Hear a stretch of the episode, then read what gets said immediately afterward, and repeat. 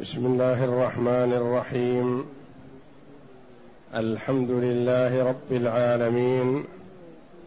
والصلاة والسلام على نبينا محمد وعلى آله وصحبه أجمعين. وبعد. بسم الله أعوذ بالله من الشيطان الرجيم. إن تتوبا إلى الله فقد صغت قلوبكما وإن تظاهرا عليه فإن الله هو مولاه وجبريل وصالح المؤمنين والملائكة بعد ذلك ظهير.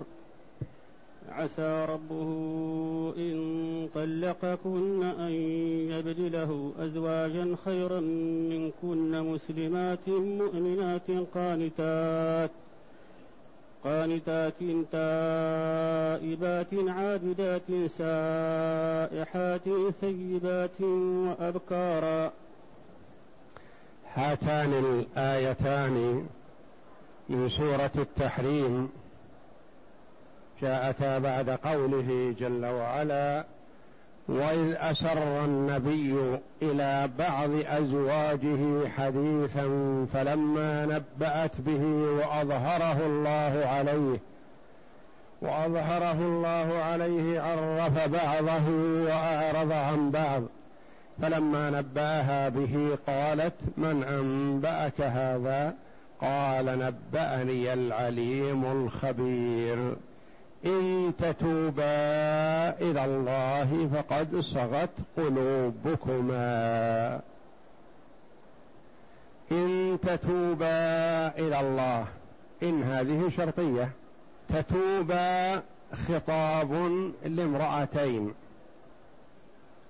هما على قول الجمهور عائشة بنت الصديق رضي الله عنهما وحفصة بنت الفاروق رضي الله عنهما. هما من أمهات المؤمنين رضي الله عن الجميع. إن تتوبا إلى الله مما حصل منكما. وهو فرحكم بتحريم النبي صلى الله عليه وسلم ما أحب أو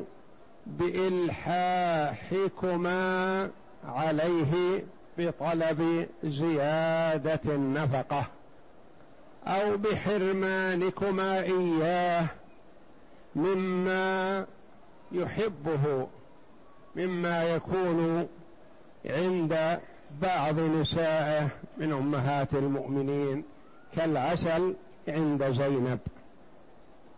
إن تتوبا إلى الله فقد حصل منكم منكما ما يستدعي ذلك وهو كراهية ما أحب النبي صلى الله عليه وسلم والفرح بما يكره عليه الصلاة والسلام أو بإفشائكما سر رسول الله صلى الله عليه وسلم.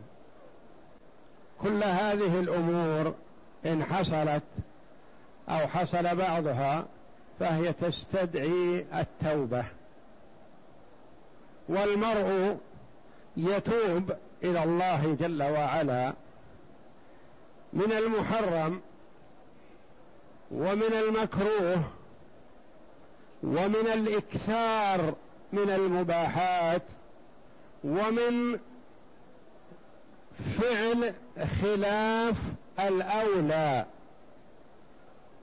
يعني إذا كان هناك أمران أحدهما أعظم اجرا والآخر فيه أجر أقل فعمل الأقل فإن ذلك يستدعي التوبة لأنه ظلم لنفسه.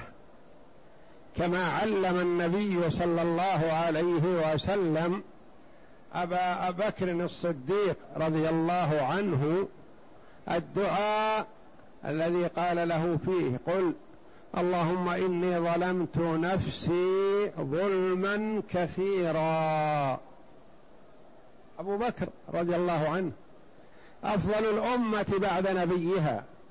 ولو وزن إيمان الأمة بإيمان أبي بكر رضي الله عنه لرجح إيمان أبي بكر. يقول قل رب إني ظلمت نفسي ظلما كثيرا ولا يغفر الذنوب إلا أنت. قال بعض العلماء ظلمت نفسي يعني ما هو وقع في الحرام ولا وقع في المكروه. وإنما ربما يكون ترك الأولى فهذا ظلم للنفس. إذا كان المرء إذا عمل عملا ما حصل عليه على ألف حسنة أو عمل عملا آخر حصل عليه مثلا على خمسمائة حسنة فعمل الآخر الذي هو جزاؤه خمسمائة حسنة قالوا يكون ظلم نفسه لأنه حرمها الأكثر والأعظم أجرا. فالمرء مأمور بالتوبة والنبي صلى الله عليه وسلم الذي عصمه الله من الذنوب يقول إني لا أستغفر الله وأتوب إليه في اليوم مئة مرة ورد في حديث آخر إني لا أتوب إلى الله في اليوم أكثر من سبعين مرة. وكانوا كان الصحابة رضي الله عنهم يعدون للنبي صلى الله عليه وسلم في المجلس الواحد العشرات من قول أستغفر الله وأتوب إليه. والله جل وعلا يأمر عائشة وحفصة على قول الجمهور بقوله إن تتوبا إلى الله فقد صغت قلوبكما. صغت بمعنى مالت. مالت لماذا؟ مالت لمحبة ما كره النبي صلى الله عليه وسلم. وهذا يستدعي التوبة. صغت قلوبكما مالتا إلى التوبة. فاعزما عليها. مالت إلى التوبة يعني شعرتا بأنهما أساءتا إلى النبي صلى الله عليه وسلم. فقد صغت قلوبكما. قلوب الخطاب لاثنتين عائشة وحفصة. وقال قلوب. هذا مما استدل به بعض العلماء على أن أقل الجمع اثنان.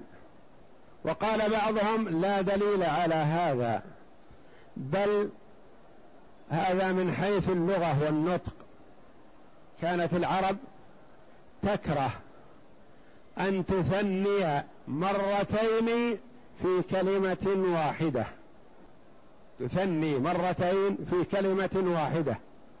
والمضاف والمضاف إليه بمثابة كلمة واحدة. وهما قلوب والضمير المضاف إليه. والأصل أن يقال فقد صغت قلباكما. يثنى القلوب اثنين والضمير ضمير تثنية. فكانت العرب تستثقل التثنية مرتين في كلمة واحدة وكانوا يجمعون ولا يثنون. فجاء القرآن على ما تعودت العرب. إن تتوبا إلى الله فقد صغت قلوبكما. والجواب جواب الشرط إن تتوبا إلى الله فقد صغت قلوبكما. إن تتوبا إلى الله تقبل توبتكما أو يعفو الله عنكما. الجواب حذف لمفهوم الكلام لأن الكلام مفهوم. إن تتوبا إلى الله يغفر الله لكما أو يتب عليكما. وإن تظاهرا عليه وإن لم تفعلا لم تتوبا بل تتعاونا عليه فيما تحبان ويكره. وإن تظاهر عليه وإن تظاهر وإن تظاهر. وإن تظاهر قراءتان يعني تتعاونا عليه. فإن الله هو مولاه. فإن تظاهر عليه فالله يعينه والله يؤيده والله ينصره عليكما. وإن تظاهر عليه فإن الله هو مولاه. وكفى بالله وليا وكفى بالله نصيرا. وولاية الله جل وعلا تغني عن كل ما سواه. ولا تغني ولاية أحد كائنا من كان عن ولاية الله جل وعلا. وإن تظاهر عليه فإن الله هو مولاه. هذه جملة اسمية. ثم عطف عليها فرادا بقوله وجبريل وصالح المؤمنين والملائكة بعد ذلك ظهير. عطف. الأولى جملة لأنها هي الأصل.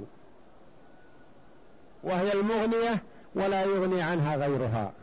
فإن الله هو مولاه.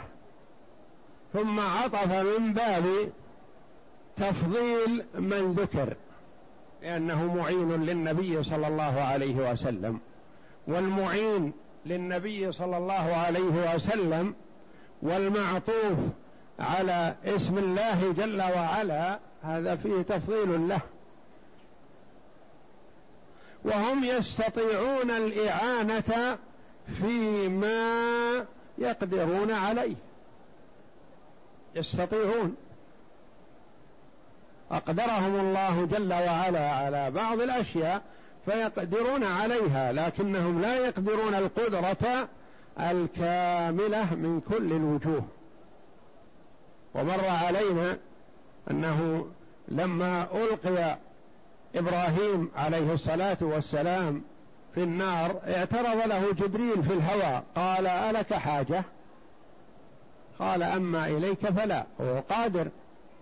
جبريل عليه السلام قادر القوة المتين. مكنه الله جل وعلا وعنده القدرة العظيمة التي يستطيع بها نصر إبراهيم وتأييده. لكن قال عليه الصلاة والسلام أما إليك فلا وأما إلى الله فبلى. فإن الله هو مولاه يتولى أمره ويؤيده ولا يخذله فتتعاون عليه. وجبريل الذي هو أمين الله على وحيه وهو الموكل بما يحيي القلوب وهو الوحي. وصالح المؤمنين ما صلح من عباد الله الصالحين فهم أولياء للنبي صلى الله عليه وسلم. وأخصهم وأقربهم أبو بكر وعمر رضي الله عنهم. أبو بكر وعمر يعينان النبي صلى الله عليه وسلم على ابنتيهما ولا يخطر على بالهما أن يعينا ابنتيهما على النبي صلى الله عليه وسلم أبد. فهم أخص الناس بالمرأتين ومع ذلك هما يعينا النبي صلى الله عليه وسلم عليهما وفي هذا تفضيل لهما. وصالح المؤمنين والملائكة بعد ذلك الملائكة على كثرتهم وقدرتهم فهم كما قال الله جل وعلا عنهم وما يعلم جنود ربك إلا هو. عدد عظيم. والملائكة بعد ذلك مع هذا مع هؤلاء ظهير معين مؤيد.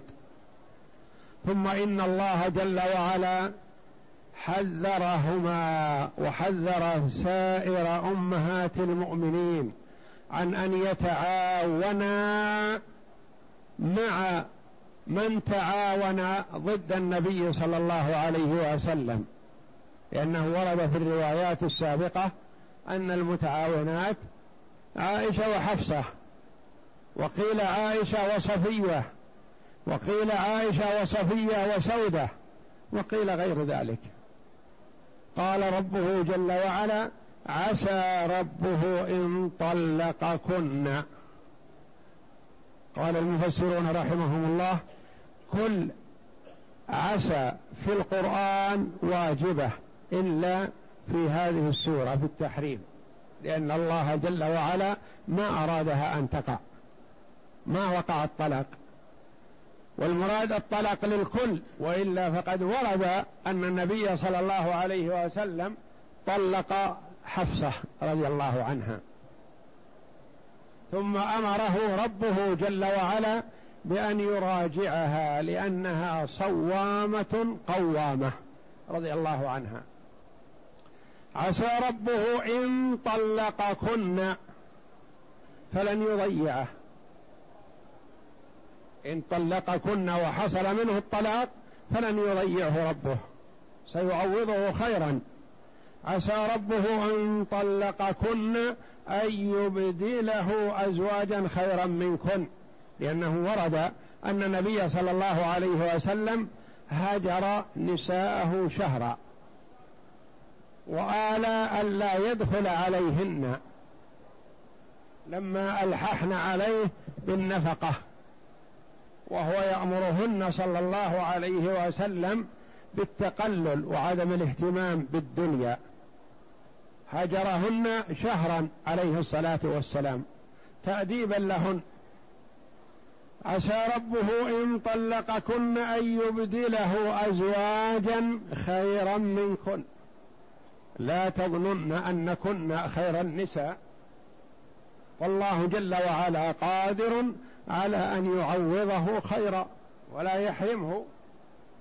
ثم وصف هؤلاء الخيرات اللاتي وعده ربه لو طلقكن أن يعوضه بدلهن.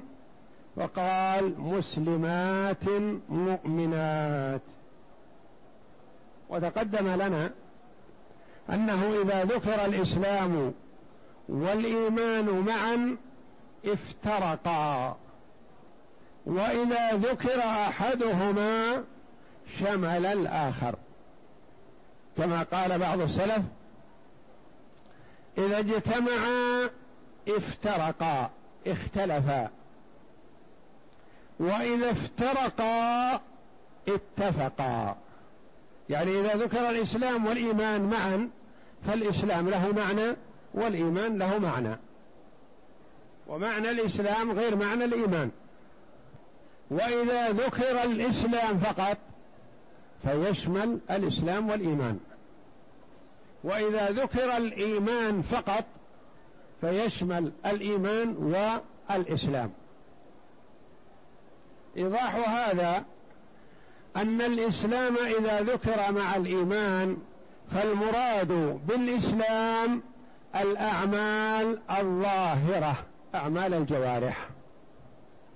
والإيمان المراد بها الأعمال الباطنة أعمال القلوب. التصديق والتوكل والخوف والخشية والرجاء أعمال القلب. والأعمال الظاهرة الصلاة والصيام والزكاة والحج وسائر الأعمال الظاهرة أعمال الجوارح. مسلمات متصفات بصفات الإسلام في الأعمال الظاهرة. وليس هذا فقط بل ومؤمنات كذلك. عندهن من التصديق والإيمان بالله جل وعلا الشيء العظيم. وهذه أهم صفة يجب على من أراد أن يختار زوجه أن يختار المسلمة المؤمنة أن يختار التقية. فاظفر بذات الدين تربت يداك. مسلمات مؤمنات قانتات قانتات القانت. وقوموا لله قانتين. القنوت دوام الطاعة وفي الصلاة مثلا دوام القيام يعني إطالة القيام. وقوموا لله قانتين.